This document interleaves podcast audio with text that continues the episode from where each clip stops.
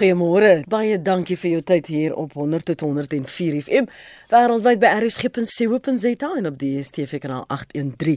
Die Zulu koning Goodwill Zwelithini het tydens 'n beraad op Ulundi 'n beroep op sy onderdanige gedoen om saam te staan en hul grond te beskerm. Hy het ook politieke partye gewaarsku om die kiesers as vanselfsprekend te aanvaar en grondkwessies te gebruik om hulle uit te buit nie. 'n Hoofvlak afvaardiging gelei deur oud-president Galema Motlanthe het aanbeveel dat die wet op die Ingonyama Trust geskrap en die grond aan die departement van landbou oorgedra moet word. Nou die trust beheer meer as 3 miljoen hektaar grond in KwaZulu-Natal. Wat ons laat wonder het, wat is die plek en die rol dan van tradisionele leiers in die nasionale diskurs, maar ook tot nasiebou. My gaste vanoggend is professor Erwin Swela. Hy is verbonde aan die Universiteit van Stellenbosch se skool vir publieke leierskap. Goeiemôre professor.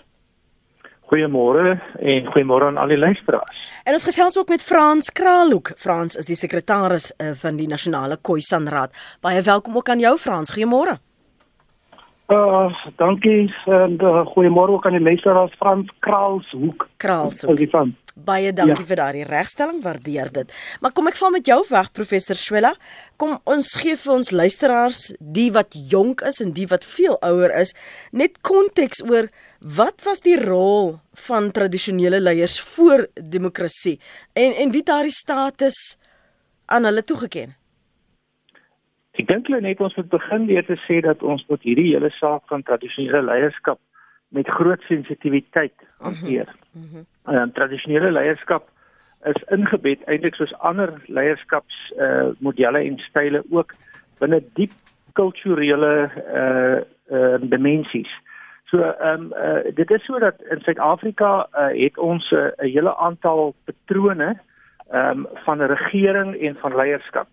Onder andere as gevolg van die groot diversiteit in ons land is daar ook soms spanning en konflik uh, tussen hierdie hierdie verskillende institusionele uh, wyse waarop die leierskap geïmplementeer word. Nou terug na die vraag oor oor die geskiedenis. Dit is so dat Suid-Afrika uh, is uh, sedert die tyd lank voor kolonialisme uh, bewoon deur 'n verskeidenheid mense, onder andere die Khoisan mense uh, in die Wes-Kaap en mettertyd deur 'n verskillende patrone van migrasie het daar ander mense in die land inbeweeg. Daar was ook 'n teenwoordigheid um, van, van van mense al vir duisende jare in Suid-Afrika. En hierdie mense het op 'n of ander manier hulle self georganiseer in in, in sisteme of strukture. So op 'n of ander manier moet daar gesag uitgeoefen word daar is dus leierskap en en gesagsinstellings nodig. Daar ontwikkel eintlik forme van regering. En in die verlede was hierdie regerings gebaseer uh dit was op tradisionele leierskapstrukture en 'n mens moet ook nie die fout maak om te dink dat die tradisionele leierskapstrukture nie bepaalde forme van regering en onder die omstandighede ook goeie regering gehad het. Mhm. Mm ehm um, en as 'n mens dan gaan kyk uh, na die na die besondere soort van uitspeel van hierdie situasie uh histories dan het jy uh die die koei en die sanleierskap um, en um, een van my studente het onlangs redelik goeie navorsing gedoen oor die regeerstelsels van die koei en die san mense. Daar was die uh tradisionele mense in in, in die isiXhosa ehm um, kultuur daar was mense in die uh, Zulu kultuur en 'n verskeidenheid ander as mense dink aan Venda Limpopo uh en al die ander tradisionele gebiede. Nou hierdie besondere strukture het toe voortbestaan in die uh, Suid-Afrikaanse geskiedenis onder die tydperk van kolonialisme en apartheid en het dikwels dan geleenthede gegee waar daar wel 'n vorm van plaaslike selfregering was in ooreenstemming met die kulturele waardes en normes van die groepe mense maar terselfdertyd is dit ook dikwels vir politieke doeleindes misbruik. Dit wil sê uh, die koloniale regerders sowel as die apartheidsregering uh, het hierdie mense dikwels probeer koopteer, soms geslaag, soms nie geslaag nie. En in 'n sekere sin was die tuislandstelsel wat gedoem was tot mislukking, uh ook gebaseer op die idee van 'n vorm van erkenning aan tradisionele leierskap um en die verdeling van die land op die grondslag. Ek moet miskien hierdie deel net afsluit deur te sê in demokrasie of met die skepping van demokrasie in 1994 is daar dan nou ook 'n regsreëls gemaak om nog steeds voorsiening te maak vir tradisionele leierskap in terme van die grondwet van Suid-Afrika. Daar spesifieke artikels om dit te erken en daarna in terme van wetgewing wat tradisionele leierskap in bepaalde gebiede die geleentheid gee om wel jurisdiksie uit te oefen. En dan ook daar is wel dan van tyd tot tyd nog steeds die verpolitisering van hierdie aspekte. Ehm um, en veral ook uh, is daar soms ook spanning en konflik tussen die grondwetlike stelsel wat 'n bepaalde demokratiese uh, benadering het te, en die tradisionele leierskapsbenaderings waar in daar ook 'n vorm van demokrasie is maar 'n uh, 'n vorm van demokrasie wat meer in ooreenstemming is met die met die tradisies en kultuur van die tradisionele ehm um, kulture. Laastens ehm um, moet 'n mens byvoorbeeld as 'n mens hierna gaan kyk net sê dat uh, tradisionele leierskap is ingebed in 'n tradisionele kultuur en daar's tradisionele regeringsforme en hierdie forme is dikwels gebaseer nie op verkiesings nie maar op oorerwing. Tweedens is daar baie sterk gesentraliseerde regering by uh, uh, wat gewoonlik hoofmanne is en derdens moet 'n mens ook gaan kyk na die aspekte wat hier ter sprake kom soos byvoorbeeld ehm um, hoe hoe vroue onder hierdie omstandighede behandel word. Maar daar's nou 'n klompie kwessies op die tafel wat ons maar kan bespreek. Ja, ek wonder of dit een program genoeg gaan wees want daar is so baie wat jy aangeraak het, maar maar vir uit uh, die perspektief van nie net die nasionale Khoisan Raad nie, Frans, wat en hoe word tradisioneel gesien en en wat het julle ervaar is die buitestanders se opinie, persepsies oor wat dan nou tradisioneel sou wees al dan nie? Uh baie dankie. Uh wat ek kan sê voorbeeld in terme van ons tradisionele leierskap en ons tradisionele eienskappe is dit baie belangrik dat ons moet uh in ag neem dat die wetgewing en die regering oor uh, paar jare met verskeie reëls en regulasies in die in die land ingetree het en ons kulturele aspekte het altyd bestaan soos die professor daar vir ons verduidelik dat ons byvoorbeeld ons eie tradisies gehad het, ons eie grondgebiede gehad het en ons land bestuur het en ons grondgebiede gebestuur het mm. onder die hoedanigheid van ons hoofmanne, ons ons leierskappe en ons koninklike leierskappe wat daar bestaan het. Maar soos wat die geskiedenis homself uitgespeel het met die verskillende uh wette wat geproklaameer geproklaameer was in die in die, in die regering kan ons byvoorbeeld kyk na 'n uh, tipiese voorbeeld of 'n voorbeeld soos byvoorbeeld Nicolas Waterboer wat sy eie parlement gehad het in in in in sy eie grondgebied in Griekwastad. En dan kan ons verder byvoorbeeld kyk na Adam Kok wat ook sy eie parlement gehad het en sy eie parlement geregeer het op sy eie grondgebied. Maar dit praat ons byvoorbeeld so in tye van die 1846ste 46ste eeu en daardie tye het ons regerings in ons grondgebiede onder die Khoisan van redelik goed bestaan. Maar soos wat die jare aangegaan het en soos wat die politiek byvoorbeeld in die in die, in die land en verskuif is van een omstandighede na die ander omstandighede het hierdie grondgebiede regte van ons uh, weggekooi en dit soos dit ook in die geskiedenis en vasgevang is is daar baie minder daarvan byvoorbeeld opgevang en geskryf en ons het minder begin mag het oor ons grondgebiede. Dit is waarom ons byvoorbeeld van die Khoi en San raad byvoorbeeld vandag sit met ons uh, grondwet rondom die aspek wat die parlement vir ons moet regte moet gee rondom ons tradisionele leiers. En hierdie doen ons al vir die afgelope 20 jaar maar vir die afgelope 20 jaar het ons nog net tot sover gevorder mm. dat hierdie wetgewing van ons nou in parlement is en dat dit nou bespreek word en dit is een een van ons kwessies wat ons mee vandag mee sit 'n leier kan nie 'n leier wees sonder dat hy nie geregverdig is in sy grondgebiede nie En in ons geskiedenis in ons verskillende grondgebiede bestaan ons leiers nog steeds vandag uh, soos wat die professor ook daaruit verduidelik is dat by so 'n oordrag oordragtelike regte uh dat die leiers nog steeds voortbestaan het. Die leiers het nog steeds hulle strukture in plek, hulle nog steeds hulle gemeenskappe in plek.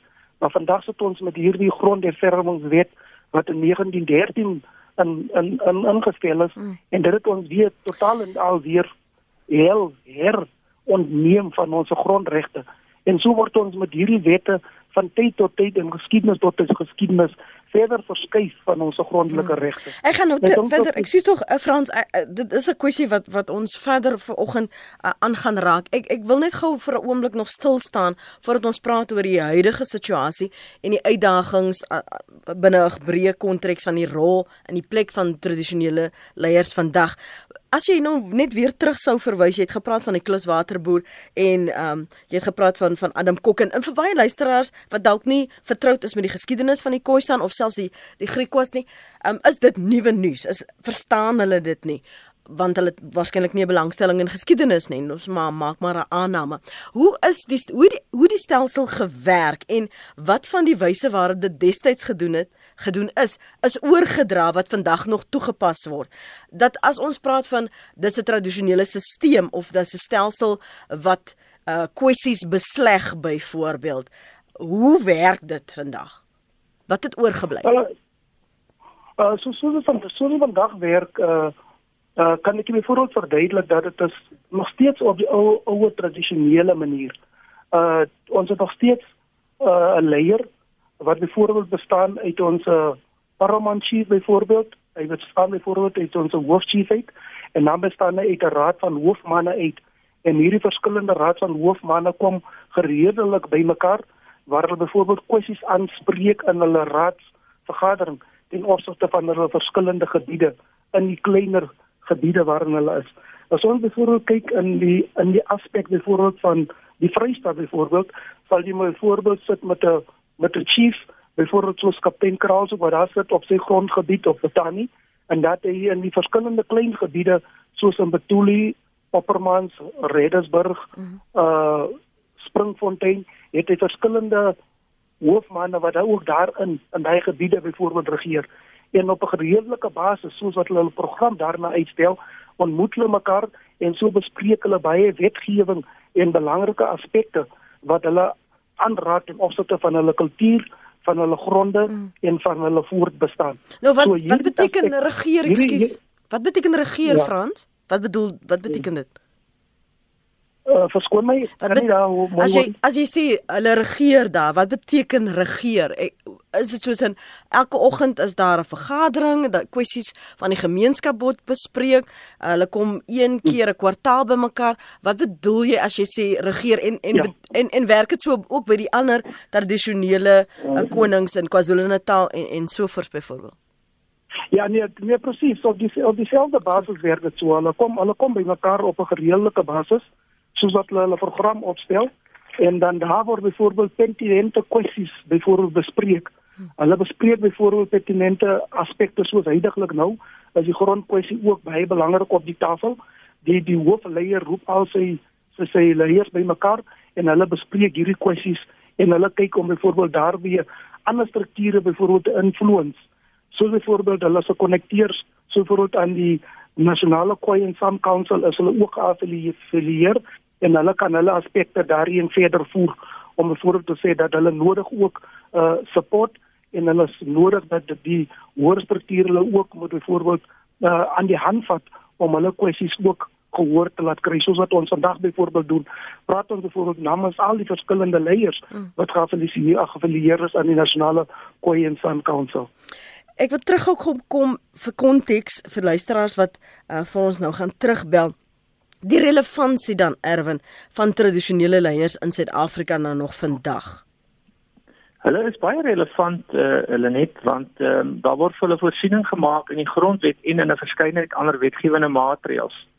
En 'n mens moet ook byvoeg doodgewoon in terme van die dinamika van menslike optrede um, en stel vervul hulle 'n belangrike rol um, om binne die gebiede waar hulle wel jurisdiksie het uh, op te tree in terme van al die funksies van regering. Kyk regerings uh, word gelegitimeer en kry wettige status om te regeer. En dit beteken hulle moet kan bindende reëls maak, dit wil sê wette of of regulasies. Hulle moet uiteindelik uh, dan hierdie bindende reëls kan toepas en seker maak dat daar voldoening is. Dit wil sê hulle spreek reg. Ehm um, en hulle maak een of ander manier voorsiening dat daar 'n 'n 'n regstelsel is en dan moet hulle bepaalde dienste kan lewer of beleide kan uitvoer. Nou al hierdie funksies word wel in terme van die Suid-Afrikaanse grondwet en gepaardgaande wetgewing wil nou nie op te veel detail ingaan nie toegeken aan tradisionele leiers um, binne die die die die Suid-Afrikaanse grondgebied. En ek dink dis waar waarvan die die uitdagings en dilemma's inkom. So wat wat 'n mens moet sê is is dat ehm um, daar daar is bepaalde dilemma's want uh, die grondgebied van Suid-Afrika word deur die deur die grondwet uh, gereguleer en die regeringsinstellings daar word ook gereguleer deur die grondwet. En daar is voorsiening maar daar is soms spanning en konflik en dilemma's wat opduik veral as dit nou gaan oor uh byvoorbeeld die belange van 'n bepaalde groep, groep groep soos in die geval die die die die Zulu mense in KwaZulu-Natal teenoor wat dan nou in die grondwet bepaal word spesifiek ten opsigte van grondbesit mm. maar ook ander gebruike en tradisies kom ons gestel nou maar dat in 'n bepaalde tradisionele jurisdiksie sou dit uh, aangewese wees om op 'n bepaalde manier teenoor vroue of uh, op 'n bepaalde manier teenoor kinders op te tree sien nou maar in die in die, in die afdwing van die reg en dit sou in in 'n vorm van konflik of spanning kom met die met die grondwet wat uiteindelik die moderne uh, regeringsstelsels hanteer nou ja dan het mense dilemma en die goed gaan van tyd tot tyd voorkom ehm um, en dit dink ek sien ook ons ook nou gebeur ehm um, onder bepaalde omstandighede kom ons gaan gou terug na die lyne Johan môre Môre net. Ja, praat gerus. Is Johan van Appington. Uh net ek hoor wat die twee uh gaste daar sê en ek verstaan professor Schwella se uh se concern as ek net so sê. Ek bel as 'n breinman bel ek nou. Want ek wil weet die leiers wat ons nou wat hulle sê wat nou Khoisan leiers is in die verskillende groeperinge. Wie het die mense verkies in die eerste plek? En ek het die indika ek het dit vir die SAIK as joernalis gewerk hier op Appington. Maar ek kon in die Kalahari byvoorbeeld het ek net sal ek sê mastermense aangetref as as ons so kan noem. Die probleem is dat die mense het skool toe gegaan die tradisies het verdwyn. Dis bitter bitter min mense wat nog tradisioneel daar lewe. En vir my lyk dit veral asof elke een nou by waas bring. Hy is nou skielik 'n leier want ek kan jou sê hier op internet ons nog al taamlik baie leiers wat taamlik onbekend is. En dit gaan vir my hier, die manne sien nou hier is 'n manier om geld te maak. Ek was eendag by 'n bijeenkoms saam met David Kreeper gewees daar in die Kalahari Maar die mense wat ek daar aangetref het, is dan moslems, dis mense van die Kaap. Dit is almal want die idee was dat of die die persepsie was dat as jy dan nou vir jou herklassifiseer as koi of bushman, soos ons dit hier doen, dan kry jy nou 'n sekere bedrag geld. En mense het gestroom daarna. Maar ek, ek kan net nie insien dat dat, dat die mense uh, sal voortbestaan as groepie omdat uh, de, de verbesters gaan in een van die boesmanne in en daar sal jy sien die modernste tegnologiese goed en daardie kinders wil nie meer leef soos hulle voorvaders nie ek self as ook nie weer bereid om in die dinge te gaan bly nie. Baie dankie. Goed. Baie dankie daarvoor. Ek, ek dink dis dis 'n werklikheid vir baie. Want die kommentaar hoor jy ook gereeld. Frans, wil jy dalk daarop reageer asseblief? Uh nee nee nee baie, baie dankie. Ek dink uh een van die grootste uitdagings wat ons byvoorbeeld vandag mee sit is die erkenning van die wetgewing van die Khoi en San gemeenskappe. Uh soos wat ek voorheen verduidelik het, het ons byvoorbeeld nou die afgelope 20 jaar al aan wetgewing begin werk met die regering. En hierdie wetgewing is nou al in die parlemente om verskillende leiers te erken. Nou binne die konsepdokument van die wetgewing pat ons van vyf belangrike groeperinge. Ons praat van die Griekwa, ons praat van die Korana, ons praat van die Nama, ons praat van die San en ons praat van die Kekoi. Maar met hierdie belangrike groeperinge is dit ook soos wat die luisteraar byvoorbeeld daar sê dat selfidentifisering is ook 'n reg wat aan enige persoon gegee word om homself te identifiseer aan watter leierskap hy behoort volgens sy bloedlyn. Maar soos wat hy byvoorbeeld verwys na die verskillende leiers wat vandag opspring, daar gaan nog steeds nadat die wetgewing gepas word in die parlemente, gaan daar nog steeds 'n proses uitloop waar elke persoon hom moet nog steeds onderworpe moet gaan stel aan 'n ondersoekprosedure om te bevestig dat u wel van watter boer stam afstammeling is en dat u wel die oordraglike leierskap toegeken was deur die verskillende strukture. So gaan elk van die verskillende vyf groeperinge deur daardie proses gaan om geerken te word as leiers. Ja, daar's ook hierdie verskillende uh distort van inligting wat ook daar in die gebiede buitekant is.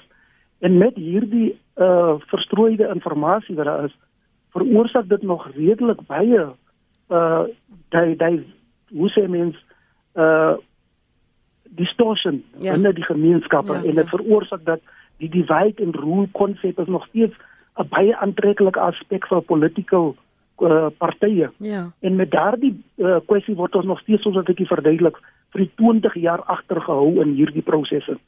Maar maar maar daar's nog steeds baie van ons leiers wat wat pertinent nog glo in hulle kultuur, hulle manier van leef en hulle staan daaromtrent. Maar dan kry jy ook die nuwe prosesse van nuwe leiers. Ek dink ja, as jy byvoorbeeld praat in terme van Zulus en Xhosas wat wat wat byvoorbeeld sê hulle het nog hulle taal onder hulle embak en so aan, so kan ons ook verduidelik dieselfde konsep dat in in in die in die jare soos wat ons oorgegaan het, het van die mense en van die kulturele groepe en ook nie vasgehou in hulle tradisies nie. As jy byvoorbeeld kyk in die skoolkonsep, as ons byvoorbeeld vandag kyk 'n belangrike konsep, as ons praat van die erkenning van die taal van die Khoi en San. Daar word in die grondwet gepraat van promotion. Daar word nie gepraat van dit is 'n taal wat 'n uh, 'n taal is wat 'n erkende taal is nie. Hy word net gebruik in konsep van promosie. Hy is nie een van die nasionale erkende tale nie. Dit is nog steeds een van die eerste nasies van Suid-Afrika. En dit is die tipe konsepte met die wegverkoening van hierdie belangrike kwessies veroorsaak dat hierdie distorsie onder ons gemeenskap. Gepraat van die verwarring, een een van die luisteraars skryf hier op ons SMS lyn: Ek bly en werk onder 'n chief in 'n landelike gebied. Hulle is niks anders as diktators nie. 'n Ander een sê in 'n moderne demokrasie is daar nie plek vir 'n regering binne 'n regering nie. Jou reaksie daarop?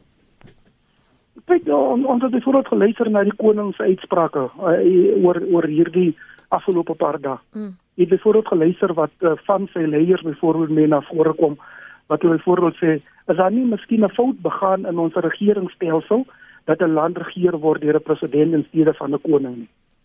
En en dit is dit is die tipe konsepte wat daar vandag is wat 'n groot debat is.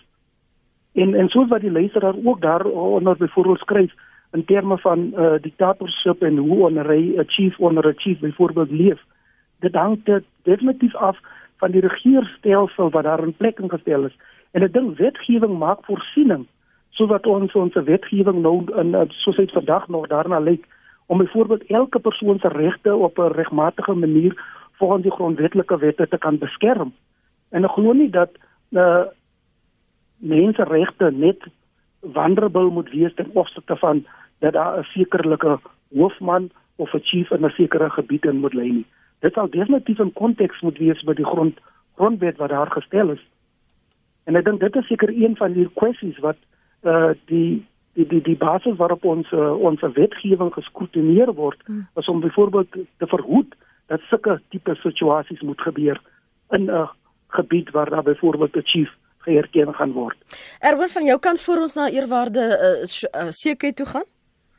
Ja, 'n uh, regeringsstelsel soos ek reeds gesê het, het 'n bepaalde dinamika en dit speel uit oor die wêreld. Met ander woorde, daar is voorsiening vir wetgewing, regspraak en uitvoering en dan moet mense in regeringsstelsels ook voorsiening maak dat daar een of ander vorm van gesag oor 'n grondgebied, jurisdiksie en soewereiniteit moet wees.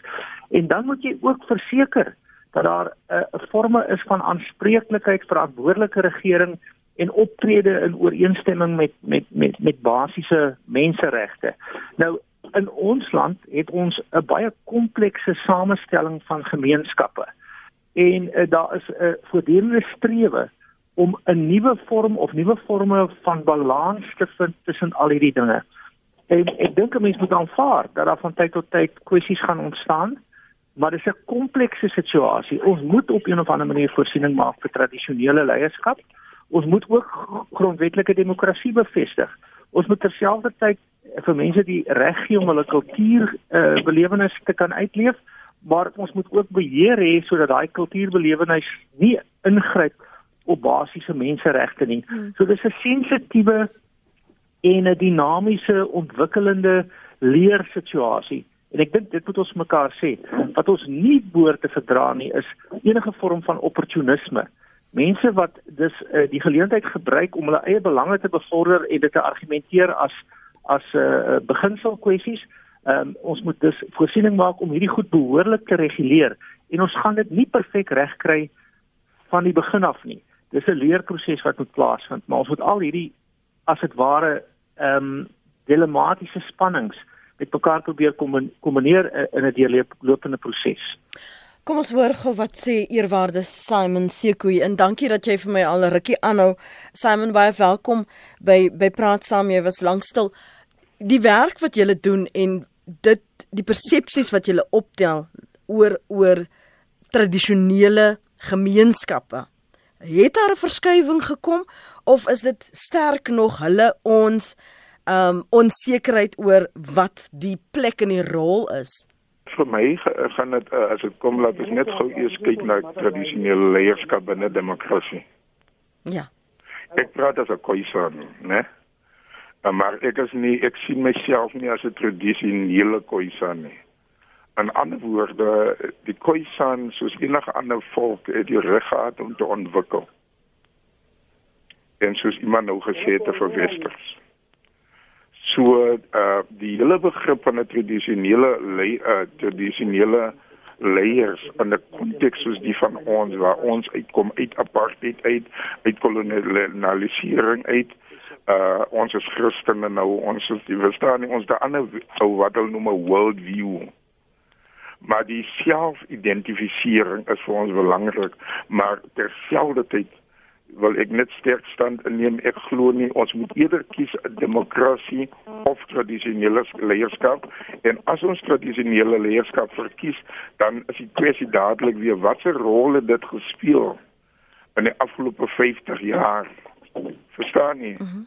Want ons dit anderste word dit nou soos iemand nou gesê het opportunisties dat iemand nou opspring en homself klassifiseer. Ek dink dat as 'n nuwe moderne Khoisan gemeenskap het ons reg om te besluit uh, oor die tipe leierskap wat ons onsself vorentoe sien ehm um, gaan toepas in aan aan ons nuwe vorm. Soos wat ek vir julle kan sê, ek kan nie praat as 'n tradisionele ja. leier wat 'n tradisionele Khoisan van dit nie, want soos ek vir julle sê geskiedkundig het daar mos nog baie dinge plaasgevind. Ja.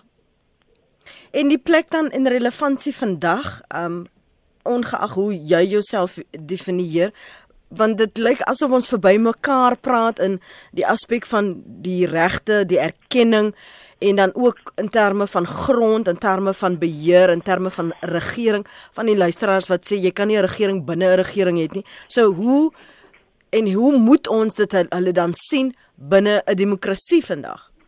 OK, vir my gaan dit daaroor hulle net ek praat nou net soos ek sê in moderne koisan wat moet gebeur is dat die volk of die die, die mense dat wat ons noem the people die the, the people moet geraadpleeg uh, word in 'n tipe van 'n referendum Ja. sodat ons 'n 'n 'n wye wye understanding kan kry oor die begrip van mense wat ons nie kan toelaat nie. Ons kan nie toelaat dat byvoorbeeld 'n tradisionele Zulu begrip van leierskap na ons toe oorgeplaas word nie. Verstaan jy? Mm -hmm. My gevoel met hierdie samestelling van hierdie wet is dat dit is ons ANC regering is in 'n in 'n in 'n in 'n 'n redelike benoude posisie. Hy moet probeer om sy tradisionele ondersteunende basis te hou en terselfdertyd modern te wees. Nou ek as 'n Khoisan, ek het nie daai probleem nie. My probleem, my ding is die as dit kom na landgrond, grond toe, dan staan geskiedenis daar duidelik. Enige mens daar's ek dink jy ANC kan die EFF kan self hier aan teen begrip nie. Die bewyse staan daar.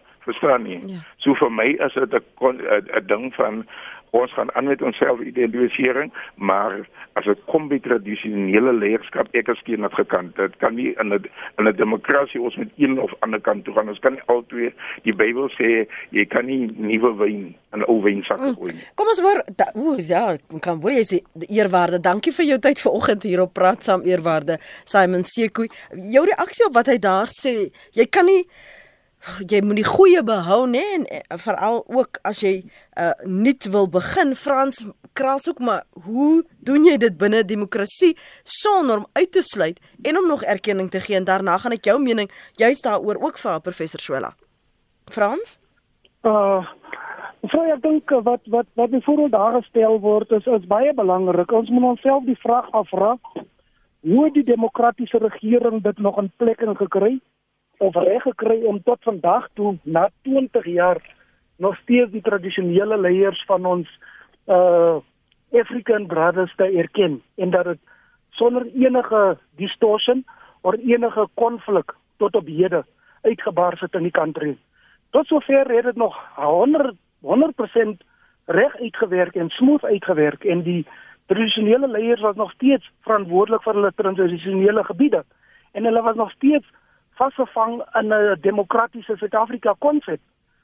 Nou die konsep wat die, die, eerwaarde daarvan verduidelik is baie belangrik. As byvoorbeeld die tradisionele leiers wat buite gelaat is in die prosesse.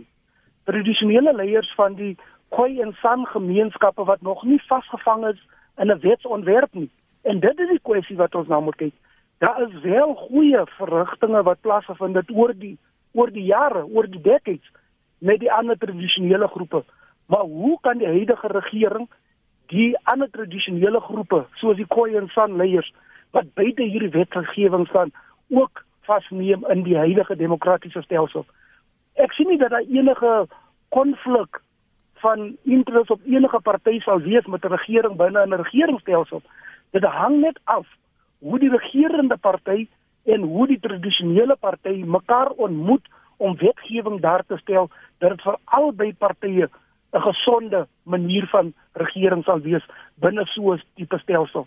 Een van die sprekers het byvoorbeeld verduidelik dat in Suid-Afrika sit ons met 'n dinamika van al die mense wat in Suid-Afrika behoort, behoort in Suid-Afrika en almal behoort dit regte op grond.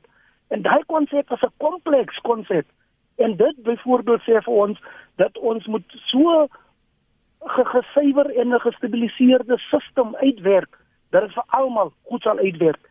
Hier wat ons byvoorbeeld praat van gelykheidsregte, Dit is een konsep wat byvoorbeeld in die grondwet staan. Hoe vat ons byvoorbeeld dit vas dat ons byvoorbeeld toesien dat die ander groeperinge nie uitgeskakel word teen opsigte van die ander nie. Mm. En ek dink dit is dit is ook 'n belangrike konsep wat ons nie die oog uit moet verloor nie.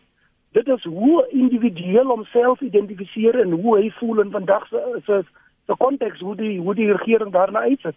Ek is ook baie belangrik baie dankbaar vir die vir die vir die reverend wat hy byvoorbeeld noem grond is 'n kardinale kwessie. As ons praat byvoorbeeld van die afgelope 20 jaar, sodat jy daar noem, die die die die die die, die map en die die, die kaarte is heeltemal uit, hy lê homself uit in die geskiedenis in. Om te sê byvoorbeeld wie is die eerste nasie van hierdie Suid-Afrika? Maar watter watter wetgewing het byvoorbeeld in plek gekom na die liewe regering om byvoorbeeld te sien dat hierdie proses byvoorbeeld reggestel moet word en 'n uh, agency daar agter moet mm. wees mm. om die koei en sand te erken.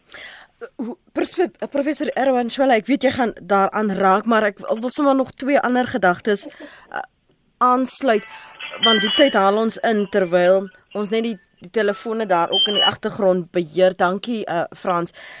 Die die die situasie waarmee ons sit, ons het nou gehoor die uitsprake Frans het ook daarna verwys van uh die Zulu koning Goodwill Zwelithini. Ons het nou gesien hoe al hoe meer stemme opgaan juis oor hierdie grondkwessie vanuit Khoisan geleedere ook. Hoekom is daar die teenkanting teen hierdie verslag van van uh oud president Galema Motlanthe byvoorbeeld en en hulle afvaardiging en hoe moet ons dit verstaan met die uitdagings wat ons juis sit in terme van grondonteiening sonder vergoeding kyk grond is die basis ehm um, die die beheer oor 'n grondgebied is eintlik die basis vir wat genoem word jurisdiksie en soewereiniteit nou ehm um, as jy dus nie grond het nie, is dit moeilik te bedink hoe jy nou ehm, 'n um, groep mense wat uh, dan op die grond woon um, en regte het op die grond kan regeer. So dit is 'n uh, eh, baie sterk staatsregtelike en regeringskonsepte. Ehm um, en daarom is daar altyd die strewe om bewoning te koppel aan grond, aan jurisdiksie en aan soewereiniteit. Ehm um, in Suid-Afrika het ons 'n uh, 'n uh, besonder komplekse situasie. Ehm um, as gevolg van ons geskiedenis uh, en dit kan nou goed of sleg wees, dit kan reg of verkeerd wees, het ons 'n groot klomp diversiteit en moet ons 'n groot klomp uiteenlopende belange akkommodeer. En ons het tot tot, tot dusver probeer doen deur aanvanklik uh, die verkeerde benaderings van kolonialisme en apartheid het ons 'n onderhandelde skikking gekry en nou is ons in 'n situasie dat die belangrikste modus wat ons het om dit goed te beheer is die grondwet en 'n mens kan die grondwet heronderhandel en jy kan daar rondom bepalinge maak en dit skep dan 'n behoefte aan wat ek sal noem lerende regering. Ons moet voortdurend gaan kyk na hoe ons hierdie goed bymekaar inpas en aanpas en ons moet die gesprek aan die gang hou. Ehm um, uiteindelik as jy dit nie reg kry nie, dan kry jy konflik en dan kry jy weer die die die die ontwikkeling van ehm um, oorloë en gevegte. So dis 'n belangrike rol wat die regering moet hê om eintlik 'n voortdurende gesprek, onderhandeling en dan aanpassings te kan maak. Ja, kom ons ons het nou gepraat oor die Khoi en die San mense, ons het gepraat oor die Zulu mense, die Khoza mense. Ons kan ook praat oor oor uh, nou ja, die Afrikaners. Kom ons stel dit so vir 'n oomblik. Dit is dieselfde gevoel wat mense het hoekom hulle Urania skep. En uh, daaroor is daar ook dikwels kritiek, maar dis die soort van dinamika en en wat in mense se harte lewe is. Dit is maar ons het iewers 'n plek nodig waar ons oor onsself kan regeer. Dis ook nog 'n regeringskonsep, die idee van selfregering en autonomie. En ons moet hierdie hele situasie benader op 'n manier waar ons uiteindelik pragmaties kan wees. Nou terug na die na na die na die Zulu koning. Die geskiedenis van eh uh, KwaZulu-Natal is een van van van oorlog en dit gaan uiteindelik oor, oor wie beheer die grond. En uh, oor baie jare is daar konvensies geskep. Hierdie goed is dikwels polities misbruik, maar uiteindelik het daar uh, uh, die Inkonyama Trust tot stand gekom wat die Zulu mense deur hulle Zulu koning ingetrek het in die konstitusionele bestel. Uh dit was ook 'n soort van 'n toegewing of ja, ek mense moet nou versigtig en sensitief wees, maar anders sou die Zulu mense dalk nie aangekom het in die grondwetlike bedeling van Suid-Afrika nie. Nou het ons daai situasie om nou te gaan en te sê maar dit moet verander, skep onmiddellik 'n reaksie en dit gaan konflik skep. En daarom is daar nou ook 'n 'n politieke proses wat hier rondom moet plaasvind die moderne stelsel, as ons net die moderne stelsel beklemtoon het, dan sou ons gesê het ons plaas al die grond onder die konstitusionele jurisdiksie en terloops dit wil uh, meneer Malema nou verander deur te sê die grond moet aan die staat behoort. Ja. En hier het jy 'n interessante konflik net. Raak nou 'n bietjie ingewikkeld. Maar een van die redes hoekom hoekom ons nou kry dat die beklemtoning daar is van die van die Zulu en die Nkonyama Trust is juis dat jy moeilik kan redeneer dat jy alle grond in die land aan die staat gaan toeken en dan nie ook die Zulu grond aan die staat toeken nie. En daar kan jy onmiddellik sien. Uh so jy het 'n dilemma. As jy hmm. sê jy ken die Zulu grond aan die staat toe, dan word dit eintlik op 'n manier onteien van die Zulu mense. Maar terselfdertyd wil jy sê jy gaan die ander grond in die land toeken aan die staat en dan kan jy mos nou nie sê jy kan nie die Zulu grond toeken aan die staat nie. So daar sit jy met 'n onmiddellike dilemma ek moet afsluit deur net te sê dat dit is ingewikkelde kwessies hierdie. Ehm um, ons moet op 'n of ander manier voorsiening maak vir mense se gevoel vir selfregering en selfbeskikking en die uitleef van hulle kulturele identiteit, maar terselfdertyd vir 'n moderne regeringsstelsel. En daar dink ek het Suid-Afrika unieke geleenthede. Ons kan eintlik op 'n innoverende manier baie van wat in die wêreld kwessies is of gaan word probeer hanteer deur ons vorm van prototipe en eksperimenteer en kom ons skep 'n nuwe term hmm. van innoverende regeringsstelsels. Ons moet dit sien as 'n uitdaging en 'n geleentheid.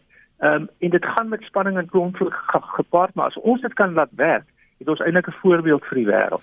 Jy, jy het net ook geraak aan opportunisme en ek wil vir jou vra Frans, ons sien veral in terme van die kwessies van identiteit die laaste ruk dat daar al hoe meer groeperinge na vore kom veral sommige wat voel die enigste manier hoe ons ons stem kan laat hoor en verseker dat dit gehoor word is om 'n politieke party byvoorbeeld te skep en te stig sodat dit kan deelneem aan aan die verkiesing volgende jaar dat dit 'n kanaal sou wees om dan nou gehoor te word en om regte af te dwing. sien jy tog Frans en julle by die nasionale Khoisan-raad dat tradisionele leiers of dan gemeenskappe werklik politieke pionne kan word aan die een kant, maar ook meer gesaghebend kan word in terme van mag as hulle 'n politieke party uh, sou skep. Hoe sien jy hierdie moet moet die twee kwessies in enigsins gemeng word? Uh, baie dankie. Ek dink in, in ons aspek en ons sieninge van die nasionale Kwai en San Council het ons byvoorbeeld 'n different viewpoint oor hierdie situasie. Ons is byvoorbeeld 'n apolitical struktuur as ons byvoorbeeld lede het byvoorbeeld wat hulle self wil onderworpe aan politieke strukture. Dit is hulle reg om hulle byvoorbeeld daaraan te skaar, byvoorbeeld by sulke partye en byvoorbeeld om politieke partye te te hard te stel. Dit is byvoorbeeld een van die konsepte wat ons byvoorbeeld aan glo dat elkeen nog steeds sy reg het om uit te wil leef en te wil doen in Suid-Afrika wat hy of sy wil begewe. Maar in ons in die nasionale koeiensandraad is ons byvoorbeeld nie geskaar in enige politieke party nie. En ons is de, van die voornemens dat ons organisasie se voortbestaan se bestaansreg bestaan op ons kultuur, ons taal en ons historiese agtergrond, maar ons is nie polities aangeskrewe nie. Hmm. En hoe hoe keer die politieke partye professor Swela dat hulle, ekskuus nie politieke partye tradisionele groepe, dat hulle nie misbruik word uh, op pad na 2019 nie byvoorbeeld? Wanneer dit gaan oor baie uh, ingewikkelde uh, dilemma's soos die uh, wie regeer en uh, wie het die reg om bepaalde reëls te maak, uh, watter mense kan gedwing word om op bepaalde maniere op te tree, um, is daar altyd politiek betrokke want dit het te maak met mag. Ja. Uh, jy jy kan nie goed nie sonder mag doen nie. En dit beteken dan uh, in 'n demokratiese stelsel dat uh, politieke partye gaan probeer om op 'n of ander manier hierdie selfs uh kulturele organisasies te infiltreer om sodoende uh, hulle primêre funksie dit wil sê die mobilisering van mag om hulle doeleindes te bereik ehm um, te kan te kan dien. So uh, uh ongelukkig moet ek sê uh, my kollega dit is dis dit is 'n reine ideaal om te sê ons gaan nie verpolitiseer raak nie maar daar sal verpolitisering wees ondanks die feit dat mense die ideaal het.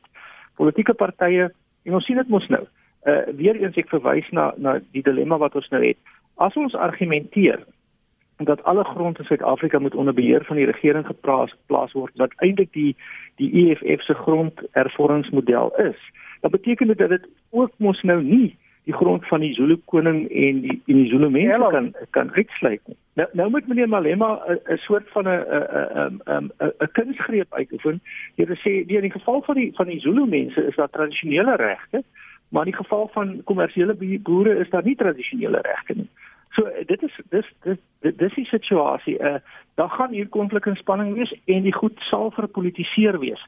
Ehm um, en dan moet 'n mens maar die gesprek voer en die debat voer en kyk hoe dit uitspeel en soms misluk ook en dan jy mislukkings ook probeer leer om te kyk of jy dit verder kan voer en doen oor tyd. Mm. Goed, uh, uh laat ek maar net sê ons het hier 'n baie komplekse situasie. Hier is altyd pogings tot politieke mobilisering en misbruik en daar's forme van van ehm um, individuele en institusionele opportunisme maar uiteindelik sal ons 'n manier moet vind hoe die komstelsel te hanteer en dis vir ons dalk 'n geleentheid om te sê dat ons weer wêreldleiers kan word soos ons was in die jare 90s eh, om om politieke ehm um, oplossings te vind vir moeilike probleme ja. en ek dink dit is iets waar ons Suid-Afrika kan innoveer en ons kan positief en optimisties daaroor wees. Frans, wil jy jou laaste gedagtes wil ons graag hoor asseblief? Uh ek dink dit is baie belangrik die kons die die kwessie wat ons nou in die land en weer in oog gestaar word byvoorbeeld in in KZN is byvoorbeeld dinamies. As ons byvoorbeeld kyk Adam Kok se parlement was daar so en hy was 'n soewerein staat en hy status geniet in daardie area. In. En as gevolg van die verskillende wetgewing, die verskillende transitional stages wat plaasvind het in in ons land en vandag is daardie status byvoorbeeld weg van ons. Vandag staan ons onder met Adam Kok se parlement daarso. Maar as ons byvoorbeeld kyk in ten opsigte van die grondkwessie, van wie praat ons as ons byvoorbeeld vandag byvoorbeeld sê grond moet oneien word en dan wie moet daardie grond teruggegee word? Die geskiedenis programmeer om heeltemal selfsprekend daarna uit Ons aan ons verstandhouding was dan altyd nog dieselfde. As grondhervorming plaasvind in Suid-Afrikaanse konsep, moet er vooral gekyk word na die persone wat byvoorbeeld wie die grond van hulle ontneem was en hoe die grond daarvan ontneem was. En ons weet in Suid-Afrikaanse geskiedenis het verskillende wetgewing, verskillende tydsperiodes het byvoorbeeld die Khoisan ontneem van sy grondregte. En ons pleidooi is in die nasionale Khoisan raad is byvoorbeeld daar kan nie 'n leier bestaan sonder dat 'n leier sy grond het nie. Maar as ons nou byvoorbeeld praat met hierdie nuwe ontwikkeling dat grond moet onneem word in die staat se besitting te neem, dan sit ons weer met 'n nuwe proses wat ons weer in disadvantage in plaas. wat die geskiedenis al reeds teenoor ons gedoen het. So dit wil sê die nuwe demokratiese stelsel mm. plaas ons dan nog verder weg van ons regte as die Khoi en San. So ons ons gedagte wat ons vooruit aan die Suid-Afrikaners wil wil lê en byvoorbeeld ook aan die regering is dat 'n Khoi en San leier kan nie bestaan sonder sy grond nie en sonder dat hy op sy grondgebied moet geplaas word nie. So ons pleidooi is dat die regering moet ag daarop slaan om so spoedig as moontlik ons wetgewing te pas in parlement sodat ons grondregte reggestel kan word sodat ons leiers ook kan leef soos enige ander leier in hierdie Suid-Afrikaanse uh, gebied. En die be belangrike konsep is byvoorbeeld ekonomiese voortbestaan kan nie voortbestaan as 'n leier nie 'n grond het. Goed en as 'n leier nie op sy grondgebied sit nie. Frans, en hierdie aspekte, byvoorbeeld dwaalweg met byvoorbeeld hierdie splintergroeperinge wat opkom, mense wat begin mismoedig raak, mense wat nie weer voel hulle het genoeg tyd want die sloer van die regering se tyd om die Koyensan se leiers te erken. Frans, baie baie dankie vir jou tyd vanoggend. Dankie professor Swela vir jou tyd vanoggend. Dit is komplekse sake, maar eh, die uitdaging is hoe ons innoverend hieroor kan dink, praat en kan begine doen.